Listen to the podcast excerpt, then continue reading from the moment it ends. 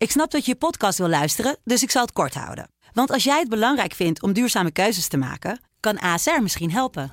Nou hoor ik je denken, hoe dan? Nou, bijvoorbeeld bij het duurzaam herstellen van schade. Of de premies die we beleggen volgens ons duurzaam beleggingsbeleid. Dat bepaalt waar we wel en juist niet in investeren. Wil je meer weten over welke duurzame keuzes ASR maakt? Ga dan naar asr.nl slash duurzame keuzes. ASR doet het. Zo, dan kan je nu lekker naar je podcast luisteren. Dames en heren in de rechtbank. De zaak ontleed met Saskia Belleman en Wilson Boldewijn. Er werden ook speciale paaldiensten gedraaid. Paaldiensten? Dus, ja, dus dat Paul was echt een, echt een dossier daar. Ja, Een podcast van De Telegraaf. hij verwondde zichzelf vaker. Hij heeft een keer zelfs zijn eigen schedel ingeslagen, zo hard. Saskia, welkom. Dankjewel. Hij is weer voorbij, die mooie zomer. Hè? Alhoewel, was het nou echt een zomer? Voor jou wel, hè? Nou, in ieder geval in Italië was het zomer, ja. Hier in Nederland niet echt, hè? Hier was het wat minder. We gaan weer een uh, druk uh, rechtbankseizoen uh, tegemoet. Iedereen kent wel het gevoel dat je vecht tegen de slaap. Je ogen die telkens weer dichtvallen. Wat je ook probeert. Het overkwam de 32-jarige Edil A. in de nacht van 29 augustus 2022. Hij werkte in een zorginstelling en had nachtdienst. En dat had fatale gevolgen. Althans, het in slaap vallen daarvan. Daarover gaan we het zo meteen hebben. Zo even terugkomen op onze veel beluisterde laatste aflevering voor de zomerstop. Dat was de zaak Thijs Reumer. Ja. Een zedenzaak. Dat is natuurlijk iets wat altijd veel rumoer veroorzaakt. Ja. Hij gaat in hoger beroep. Daar is veel dis, uh, discussie over. Maar het OM ook. Ja. Dan wil ik aan jou de vraag stellen. Het OM heeft in de eerste aanleg eigenlijk al meer gekregen dan ze hadden gevraagd. Ja. En toch besluiten ze om in hoger beroep te gaan. Werkt het dan zo dat zij eerst wachten wat de, in dit geval de veroordeelde doet? Ja, ja zo werkt het absoluut. Uh, dan heeft het OM ook weer de handen vrij om uh, te eisen wat ze in hoger beroep willen. Maar dat komt vaker voor. Ik denk als Thijs Reumer had berust in zijn veroordeling, dan was het OM ook niet in hoger beroep gegaan. Maar nu Thijs Reumer heeft besloten om dat te doen, doet het OM, het ook. Ja, het is een risico uh, wat Reumer neemt. Het OM pakt dan meteen een, een vrijspraak mee op een van Ja. de punten. Ja. Daar hoeven we verder nu niet op in te gaan. Maar we hebben het hier vaker over gehad. Het Hof is tegenwoordig, uh, ja, wat is het spreekwoord? Ja, ik zou zeggen streng. Uh, appelleren is riskeren, hè, is het spreekwoord. Dus ja, hij neemt echt een risico om in uh, hoger beroep te gaan. Misschien dat hij heeft gedacht van, ja, de rechtbank gaat veel hoger zitten dan de eis. Dat kan alleen maar beter uitpakken in hoger beroep. Maar ik vrees dat heel veel mensen die tegenwoordig in hoger beroep gaan, daar achteraf uh, spijt van hebben als haar op hun hoofd. Je neemt echt een, een risico. Het Hof oordeelt streng de laatste jaren. Wat denk je van zijn proceshouding? Heeft dat een grote rol hierin gespeeld? Want het, het komt niet zo heel vaak voor hè, dat de rechter meer oplegt dan geëist. Nee, niet vaak, maar het komt wel voor. Ja. Kijk, de rechtbank is natuurlijk helemaal niet gebonden aan de eis van het OM. Ze kunnen zelf, uh, ze maken ze hun eigen afweging. Uh, ja, en het is bijna altijd zo dat uh, de, de rechterlijke uitspraak ietsje lager uitvalt dan, dan een eis. Maar niet altijd. de laatste tijd komt het vaker voor dat een rechter opeens strenger vonnist. Ja, de, de proceshouding van Reumer heeft daar onmiskenbaar aan bijgedragen. Hij ik druk het zacht uit als ik zeg van hij uh, liep niet over van spijt. Hij uh, heeft toch uh, vrij veel dingen aangevoerd als van nou ja weet je het komt een beetje voort uit mijn, mijn Amsterdamse opvoeding. Eh, ik ben dat nou eenmaal zo gewend, acteurs onder elkaar. Eh, maar dat neemt natuurlijk niet weg dat hij te maken had met kinderen van 14, 15 jaar. Ja. Ja, en daar stapte hij wel heel makkelijk overheen vond ik. Het is voor mij een belangrijke dag. Want helaas bestaat een groot deel van mijn leven uit doodsbedreigingen die ik, u zei het zelf net al, vele jaren zo ongeveer dagelijks krijg. En waardoor ik uh, moet leven in onvrijheid. Geert Wilders, nou die krijgt ontzettend veel bedreigingen. Duizend bedreigingen per jaar, 19 jaar lang uh, heeft hij er al mee te kampen. Hij werd bedreigd door een uh, Pakistaanse ex-cricketspeler, Khalid Latif. Jij was bij die zaak aanwezig? Ja, het was eigenlijk een hele korte behandeling omdat uh, Khalid Latif er niet was. Dat was ook niet de verwachting, want ja, die zit in Pakistan en Pakistan en Nederland hebben geen rechtshulprelatie. Nederland heeft wel geprobeerd om informatie te krijgen over zijn adres. Uh, heeft uh, de Pakistaanse autoriteiten gevraagd om de dagvaarding te overhandigen. Geen enkele reactie opgekomen. Ja, en er waren destijds, hè, toen uh, de aanleiding voor de oproep om Wilders te doden was uh, de aankondiging van de cartoonwedstrijd over de profeet Mohammed. Die Wilders aankondigde. Nou, die heeft hij uiteindelijk afgeblazen omdat ehm, in een aantal landen de bedreigingen zodanig hoog opliepen dat hij dat misschien niet alleen hij het slachtoffer zou worden, Wilders dus, maar misschien ook andere mensen. Nou, dat vond hij toch te ver gaan. Maar de, de verontwaardiging in een land als Pakistan was enorm. Er werden Nederlandse vlaggen verbrand, beeldenissen van uh, Wilders in de fik gestoken en vertrapt. Dus ja, dat, uh, in, in dat licht moet je die bedreiging van Latif zien. Die zei dat die 3 miljoen roepie, destijds ongeveer 21.000 euro, uitloofde. En dat was alles wat hij had, zei hij. Als hij meer geld had, dan zou hij nog meer geld willen betalen voor het ombrengen van Geert Wilders. Je zou kunnen zeggen van uh, dat heeft misschien een uh, effect op uh, mensen. Dat ze niet zo makkelijk meer een politicus bedreigen. Nou is dit iemand uit Pakistan en ja. die ziet dat op duizenden, duizenden kilometers afstand. Dus dat zal een ander effect hebben. Wat wel een soort bruggetje hierin is, is dat Zembla, collega Vincent Verwij, is bij mensen langs gegaan die anoniem politici bedreigen op Twitter. Het is altijd fascinerend om te zien. Persisteren die mensen nou nog steeds ja. in hun bedreiging op het moment dat, ze, dat het fysiek wordt? Dat ja. iemand bij hun aan de deur komt en zegt van goh, hoe zit het nou eigenlijk? Nou, het grappige vond ik uh, in die uitzending dat je zag dat eigenlijk mensen begonnen met een soort Pavlov-reactie. Ik was het niet. Ja. En vervolgens toch herhaalde wat er in die berichten had gestaan. Hè? Dat ze mensen voor een tribunaal wilden slepen, dat er een kogel door hun hoofd moest. Maar dat vonden ze geen bedreigingen. En dat zie ik heel vaak terugkomen in rechtszaken tegen dit soort mensen dat die op de een of andere manier vinden dat dat hun vrijheid van meningsuiting is. En niet dat dat een bedreiging is. Want ja, hè, ze, bedoelden het toch niet letterlijk. Hè? Ze stonden toch niet voor de deur met een wapen. En dat moeten ze toch kunnen zeggen. Want dat is hun vrijheid van meningsuiting. Ja, en dat, dat vind ik iedere keer toch wel tamelijk verbijsterend om te zien. Dat die mensen blijven hangen in hun eigen gelijk. En niet beseffen dat ze gewoon een grens overgaan. En ik, ik, vraag me wel eens af wat er zou gebeuren als je hun kind of hun vrouw of hun man zou bedreigen op dezelfde manier. Ik denk dat ze dan tegen het plafond schieten van verontwaardiging en woede. Want ja, dat is natuurlijk niet de bedoeling, hè, dat je dat terug doet. Maar zelf doen ze het wel. Wat ook altijd heel confronterend is, is dat je die mensen ziet. Nou, één was een gepensioneerde verpleegkundige. Ja. De ander was een jongere man. En volgens mij was het zijn moeder. Ja, die hem voor de deur wegsleept. Ja, die hem voor de deur ja. wegsleept. En waarschijnlijk zitten er nog meer fragmenten in die Zembla-aflevering. Ik heb hem zelf niet helemaal gezien. Dat het mensen zijn, als je zo even daar aan de deur staat, dan denk je... Heb je nou zo'n ontzettend slecht leven? Heb je het nou... Waarom ben je nou zo boos op de wereld? Ja, dat, dat kun je je afvragen. Ik, ik ben bang dat we, en dat, dat zei Vincent Verwij volgens mij ook al in die uitzending, uh, met name in coronatijd heel veel mensen zijn kwijtgeraakt. Die zijn op de een of andere manier in de complottheorieën gezogen. Zit in een bubbel. Precies, en ze komen daar niet meer uit. En ze zien politici als, als vijanden die uh, hun belangen niet meer vertegenwoordigen. Ze zien journalisten niet meer als mensen die uh, op zoek zijn naar de waarheid, maar die aan het lijntje lopen van machthebbers. Hè. Dat verwijt, dat krijgen wij geregeld van ze. En ze doen niet meer hun best om te kijken of er ook nog andere waarheden zijn dan degene waar zij in geloven. En dat, uh, dat is een hele gevaarlijke ontwikkeling. Zeker als mensen echt overgaan tot, tot dreigen en, en intimideren. Maar ik vind wel, want ontdreigen, iemand bedreigen met geweld of, of met verwonding of whatever. Wees dan ook een vent of een vrouw. Precies, ja. Doe dat ja, met je eigen naam en eigen gezicht. Ja anoniem bedreigen is gewoon het allerlafste wat er is. Nou ja, dat eh, helemaal eens. Uh, als je je beroept op je vrijheid van meningsuiting, laat dan ook zien dat het jouw vrijheid van meningsuiting is. En wees een held en zeg het ook gewoon uh, met open vizier. Laat zien wie je bent. Maar als je zo laf bent dat je meent je moet te verschuilen achter een anonieme account, ja, sorry hoor, moet je dat serieus nemen? Kijk, en dat is eigenlijk het enige voordelige wat je nog kunt zeggen van die Galit Latif, die Wilders heeft bedreigd, die deed het gewoon met open vizier. Die was herkenbaar, het is een bekende Pakistan. Dat is ook de reden waarom hij vervolgd is. Want ja, het merendeel van de mensen die Wilders bedreigen, die zijn niet meer te achterhalen. Die zitten in een ver buitenland, die zijn anoniem. Je krijgt geen medewerking van autoriteiten. En bij de gratie van het feit dat dit een bekende man was, een bekende sporter, was het mogelijk voor het OM om vervolging in te stellen. Nou, je kunt zeggen, heeft dat zin? Hè? Want uh, die man die zal nooit één dag achter de tralies belanden.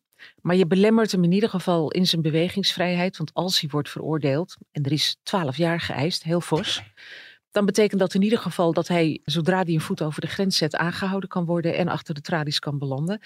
En wat voor Wilders heel belangrijk was, en ik denk dat dat voor heel veel mensen geldt die bedreigd worden, dat er een signaal wordt afgegeven door de rechter van mensen die iets zeggen waar jij het niet mee eens bent, zijn niet meteen vogelvrij. Nee. Die mag je niet bedreigen met de dood, die mag je niet intimideren, die mag je niet bedreigen met geweld.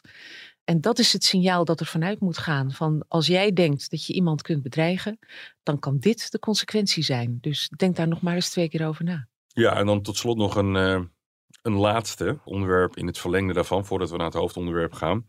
Collega's van Eén Vandaag hebben een reportage gemaakt over weer het fenomeen dat het OM heel veel keuzes moet maken in vervolging, omdat ze domweg het personeel niet hebben. En dat geldt dus voor de zaken als tanken zonder betaling. Winkeldiefstal, waar bijvoorbeeld geen alleen maar een zelfscan is. Oplichting, kunnen ze maar een bepaalde hoeveelheid uh, manuren aan besteden. Zeker als het niet een al te groot uh, delict is. Uh, er wordt ook weer gerefereerd, er is een tekort aan rechters. We kunnen ook niet alles voor de rechter brengen, omdat er gewoon simpelweg een tekort aan is. Heel veel bedreigingen halen uiteindelijk ook gewoon de rechtbank niet, omdat die hele onderzoekscapaciteit, die hele keten, die kan dat niet aan. Dit is een onderwerp dat we wel eens vaker even kort uh, aanhalen, maar ik vind het belangrijk dat er toch een klein beetje een uh, soort alarmfase ja, drie is bij, uh, in, in de hele strafrechtketen. Ja, nou ja, als je, als je dit hoort, dan denk je toch van hè, er wordt enorm veel aandacht besteed aan ondermijning, aan georganiseerde criminaliteit. Uh, het lijkt wel alsof uh, de inzet daartegen nooit genoeg kan zijn.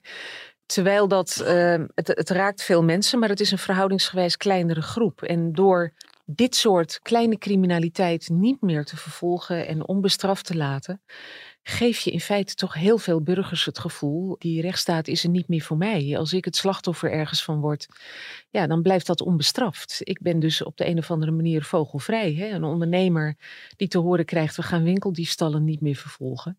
Nou, het is een signaal in de richting van potentiële winkeldieven van, oké, okay, ik kan dus kennelijk ongestraft mijn gang gaan. En een signaal in de richting van de ondernemers van, los het maar lekker zelf op. Ja, en dat gevoel van die rechtsstaat is er niet meer voor mij, is ondermijnend en is gevaarlijk. Ook dit is een gevolg van de war on drugs, hè? Ja, eigenlijk wel, ja. ja. ja. Hij was al eens eerder in slaap gevallen tijdens een nachtdienst en is daarop aangesproken. Op 29 augustus 2022 overkwam het hem weer. De 32-jarige Edil A.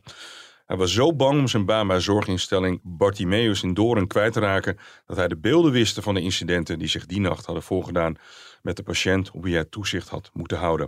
We hebben het over de 32-jarige uitzendkracht Adil A. Hij werkte daar in die zorginstelling als uitzendkracht. Uh, ja, al twee jaar hoor, Al twee jaar. Ja. Hij was een zorgmedewerker, niet echt een verpleegkundige.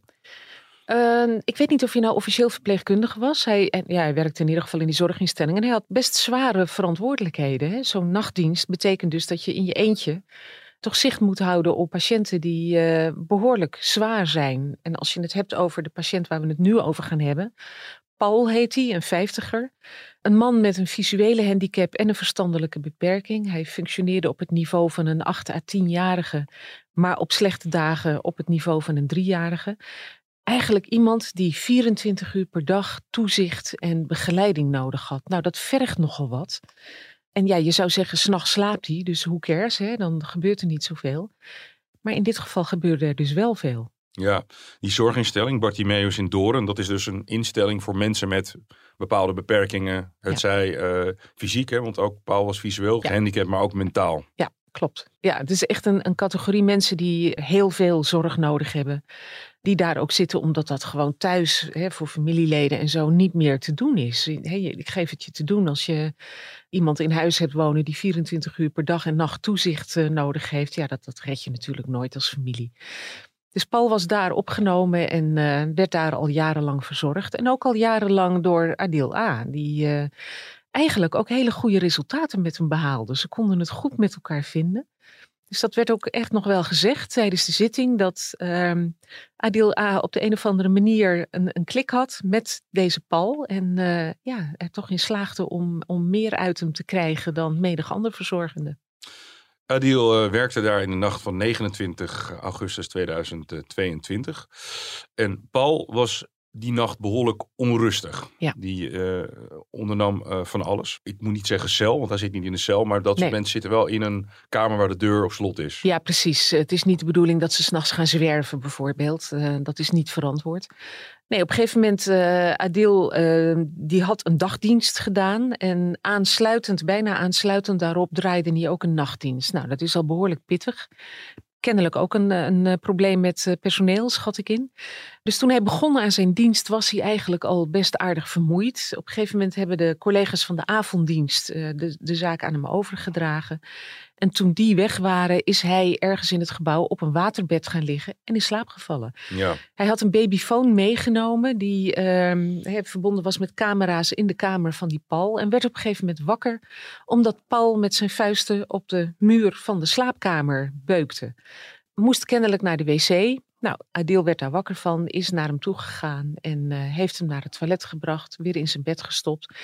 En dat leek eigenlijk vrij rustig te gaan allemaal. Dus Adil A is teruggegaan naar het waterbed en is wederom in slaap gevallen.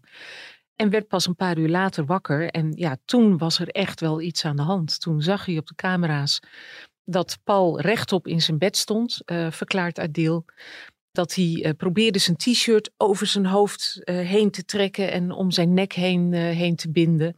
Dus hij is toen meteen naar die kamer gerend. Maar op het moment dat hij de slaapkamer van Paul binnenkwam, was die inmiddels al uit zijn bed op de grond gevallen.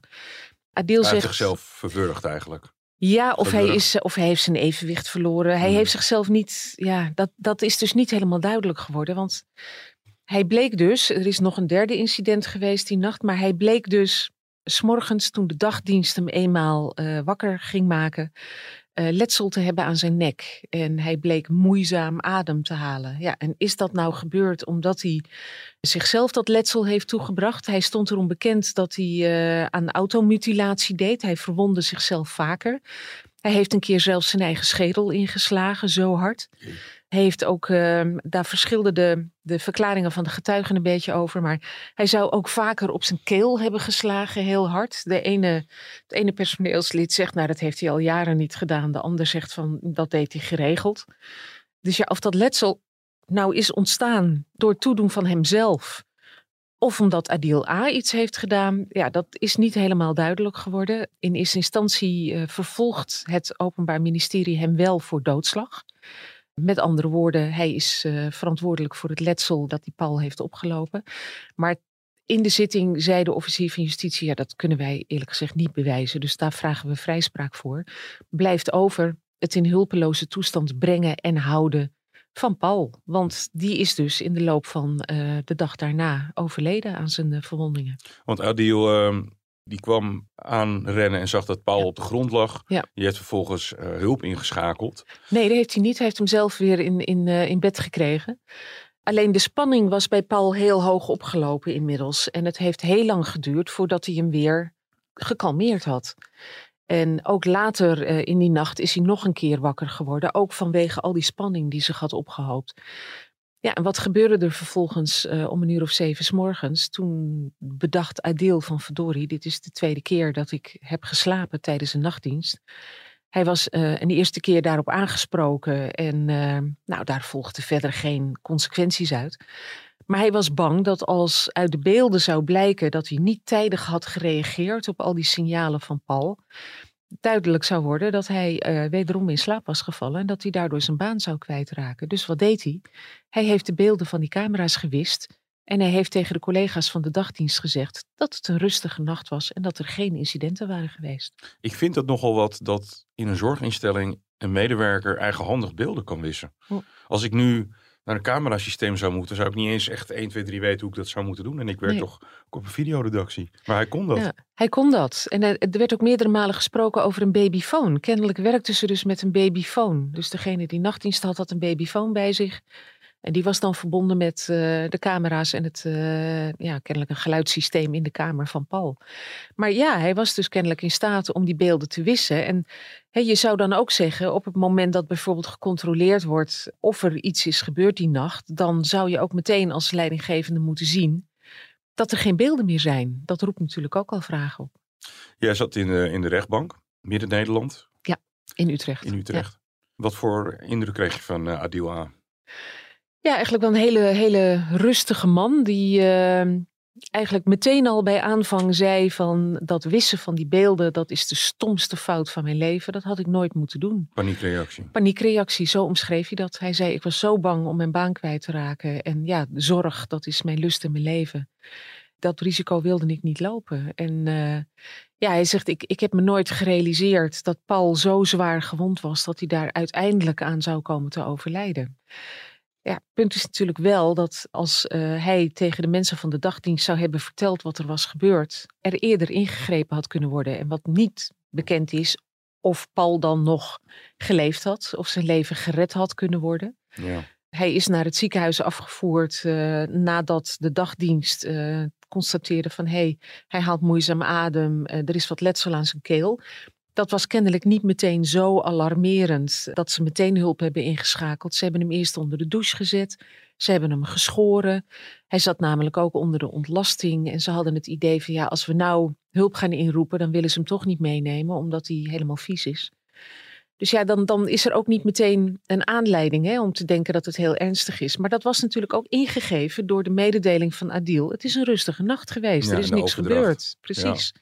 Ik denk als, als hij had verteld wat er was gebeurd, als hij had verteld van Paul is uit zijn bed gevallen, uh, ja, misschien wel hard op zijn hoofd, heeft misschien zichzelf wel op de keel geslagen, dan hadden ze waarschijnlijk eerder gereageerd.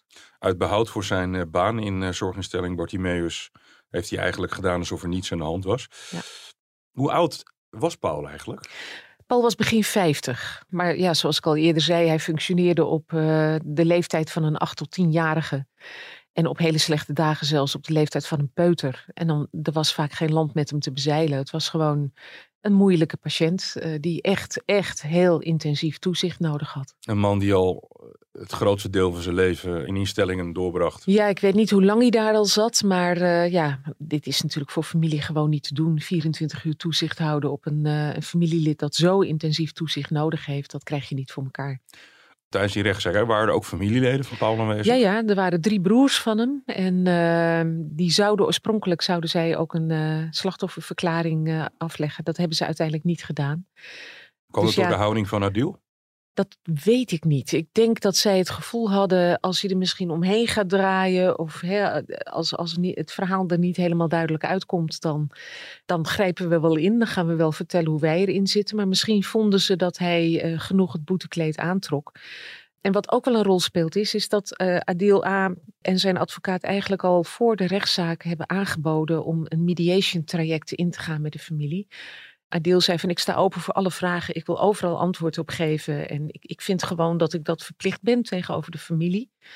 Nou, de familie heeft in eerste instantie even besloten van dat willen we misschien wel, maar op termijn, hè, als de, de rechtszaak is afgerond, als we precies weten wat er is gebeurd, dan willen we die mediation misschien wel, maar nu nog even niet. Het is een beetje paradoxaal, want het is eigenlijk heel positief dat er iemand zit van ik heb eigenlijk een fout gemaakt. Ja. Ik was bang voor mijn werk en hij was ook een gewaardeerd medewerker daar. Dat maakt het zo ja. dubbel. Ja, dat maakt het inderdaad heel dubbel. Uh, ja, wat ook een beetje treurig is, is dat hij zegt van de zorg is mijn lust en mijn leven. Maar dat als het aan de officier van justitie ligt, hij uh, vijf jaar lang geen baan in de zorg mag hebben. Nou werd er op Twitter ook heel veel gereageerd op die zaak. Ja. Er waren ook heel veel mensen die zeiden van ja, je zult maar zo iemand aan je bed krijgen. Uh, maar ook mensen die zeiden van ja, het is toch eigenlijk wel heel wrang om te merken dat kennelijk het personeelstekort zo groot is. Man dat draait iemand gewoon na dubbele het, diensten. Exact. Na het draaien van een dagdienst meteen een nachtdienst erachteraan. Ja, is het dan zo vreemd dat iemand zo moe is dat hij uh, op een gegeven moment in slaap valt? Nou zei de officier van justitie daarover van ja, weet je, er is wel een verschil tussen per ongeluk in slaap vallen, hè, je, je sukkelt een beetje weg, en gewoon heel bewust op een waterbed gaan liggen Ja. en, en in slaap vallen. Dat detail dat vond ik nog wel opmerkelijk. Want waarom is daar een waterbed? Nou, dat, dat heb ik me ook afgevraagd. Dat Ja. weet ik dus niet. Maar ik, ik vermoed haast dat het misschien wel iets te maken heeft ook met het, het rustgevende effect van een golvend waterbed. Waar Ja, misschien patiënten. mensen af en toe op kunnen liggen. Ja, voor patiënten. Eh, maar dat weet ik dus niet zeker. Dat is mijn eigen invulling. Hoe ging de rechtbank met hem om? Hoe ging de voorzitter met hem om? Ja, die heeft gewoon, die is het, het gesprek met hem aangegaan. Het is eigenlijk wel grappig dat je heel vaak merkt op Twitter dat mensen zoiets hebben van je moet er wap meteen, meteen ingaan. Hè? Voel die man aan de tand, schud hem door elkaar eh, verbaal. Maar dat werkt natuurlijk niet zo. Wat je wil is dat iemand zich vrij voelt om te vertellen wat er is gebeurd. Zijn dat kant iemand van het verhaal verteld. Exact. En dat is in het belang van nabestaanden, dat is in het belang van de rechtspraak en ook in het belang van de verdachte. En als een rechter daar meteen bovenop springt en iemand heel fel of heel, heel stevig gaat ondervragen, dan klapt iemand dicht en dan krijg je die waarheid er nooit uit. Dus dit is echt de manier waarop rechters dat altijd aanpakken. Die gaan het gesprek aan, waarmee niet gezegd is dat ze watjes zijn die eindeloos proberen heel vriendelijk te blijven. Want op een gegeven moment als ze het gevoel krijgen van ja, maar nou draai je eromheen of je probeert eh, mij om de tuin te leiden, dan wordt zo'n ondervraging echt wel steviger. Maar ja, als het niet nodig is en als iemand gewoon praat en vertelt, dan is daar geen reden toe. Wat tegen hem pleit dat hij al een keer eerder in slaap was gevallen. Dat heeft de rechter natuurlijk ook aan hem gevraagd. Ja. Wat was zijn verklaring? Was dat ook een dubbele dienst? Heeft hij niet verteld. Ehm, dat zou heel goed kunnen, maar dat is er niet helemaal uitgekomen. En ik weet ook niet of hij toen ook heel bewust ergens is gaan liggen om, eh, om gewoon even een oudje te knappen en, en vervolgens heel diep is weggeraakt. Maar het feit is wel, ehm, je hebt verschillende soorten diensten. Hè? Je hebt een, een waakdienst eh, waarbij jij verondersteld wordt gewoon wakker te blijven. Ja. Want je hebt te maken met een cliëntele die gewoon onrustig kan zijn. En dan moet je daar onmiddellijk op kunnen reageren. En als jij zelf diep in slaap bent, dan ben je dus te laat met je reacties. Want op die afdeling was hij ook de enige op dat moment. Ja. Ja, dat klopt. En, en om even aan te geven hoe intensief de zorg voor die, eh, die eh, patiënten was. Er werden ook speciale paaldiensten gedraaid. Paaldiensten? Dus, ja, dus dat Paul was echt, een, echt een, een dossier daar. Ja, absoluut. Ja, en, en een patiënt eh, van wie dus duidelijk was dat hij zo intensief toezicht nodig had, dat dat eigenlijk gewoon één op één moest gebeuren. Wat is nou het strafbare feit? Want is het eh, dood door schuld? Dood door nalatigheid? Wat formuleerde de officier van justitie? Het is officieel het in hulpeloze toestand brengen en achterlaten. En dat brengen wil dan niet zeggen dat Adil A. eh, volgens de officier van justitie dat dodelijk letsel zou hebben toegebracht. Maar wel Paul in een toestand heeft gebracht waarin hij dat dodelijk letsel kon oplopen. Ja. En vervolgens heeft hij dus door het wissen van de camerabeelden en door de mensen van de dagdienst onvoldoende informatie te geven over wat zich had afgespeeld, ook Paul in die hulpeloze toestand gehouden. Met als gevolg dat hij uiteindelijk toch is overleden. Dus het wissen van de beelden heeft de officier niet helemaal nog apart bedoeld? Dat, eh, Nee, dat, dat is het in hulpeloze toestand brengen en vervolgens houden. Dat is onderdeel daarvan. Er was ook doodslag te lasten gelegd, maar daarvan zegt de officier van ja, dat, dat kan ik niet bewijzen, dat kan ik niet hard maken. Dus daar heeft de officier vrijspraak voor gevraagd. Dat hoeft de rechtbank natuurlijk niet te volgen. Nee, Als de rechtbank op een gegeven moment daar anders over denkt, dan kunnen ze natuurlijk deel A veroordelen voor doodslag. Maar ik moet zeggen, uit de hele behandeling is niet echt een, een duidelijk hard bewijs te halen dat Adil verantwoordelijk zou zijn voor het toebrengen van dat letsel. Adil is een man die in de zorg werkt, waar een zwaar tekort aan is. Draaide dubbele diensten. Hij heeft eh, een grote fout gemaakt. En die fout erkende hij ook, want eh, zijn advocaat en hij zeiden vooraf al... we gaan overal aan meewerken, we geven overal antwoord op. Precies, dat klopt. Ja. Ja. Heeft de advocaat verder nog iets gezegd in de, tijdens de zitting? Nou, er was één eh, onderdeel van het pleidooi dat ik persoonlijk wel een beetje pijnlijk vond. Ehm, Paul is op een gegeven moment eh, overleden nadat de familie had besloten om hem van de beademing te laten halen. Omdat duidelijk was... eh, Comateuze toe, toe, ja, toestand of iets precies. En soortgelijks. er was wellicht nog wel een, een mogelijkheid om hem te opereren. Maar de vraag is even hoe hij daaruit zou zijn gekomen. Dus uiteindelijk heeft de familie besloten van nou, dat doen we hem niet meer aan. En eh, daar maakte de advocaat nog wel een punt van. Die zei van je kunt niet Adil verwijten dat Paul is overleden. Want dat heeft de familie besloten. Oei. Maar ja, hij is natuurlijk wel in die toestand gebracht door toedoen van een verzorger die in slaap was gevallen. En wat ook nog wel een, een punt was, eh, zag ik eh, op Twitter, dat was dat Adil een, uh, een strafblad heeft. Daar staan wat vermogensfeiten op, diefstallen en zo. En, en één geweldsfeit, het verzet tegen een aanhouding. Maar verder niks. Alleen er waren wel heel veel mensen die zich afvroegen: hoe kan het nou toch dat iemand wel een verklaring omtrent gedrag heeft? Ja, want die heb je nodig. Precies. Een VOG. Exact. Dat heeft dus alles te maken met het feit dat diefstallen geen reden zijn om een verklaring nee. omtrent gedrag te onthouden als je in de zorg uh, moet, aan moet, de slag gaat. Dat, dat moet in lijn zijn met exact, wat ja, je op dat moment er, gaat het doen. moet ermee te maken hebben. Ja. De strafeis is 150 dagen, waarvan uh, 52 voorwaardelijk. Met een proeftijd van vijf jaar. En er zit ook nog een taakstraf bij? Ja, 120 uur. En die uh, celstraf die wordt geëist, die komt erop neer dat hij dan, als hij dat krijgt van de rechtbank, niet terug hoeft de cel in. Omdat hij dat al in voorlopige hechtenis heeft uitgezeten.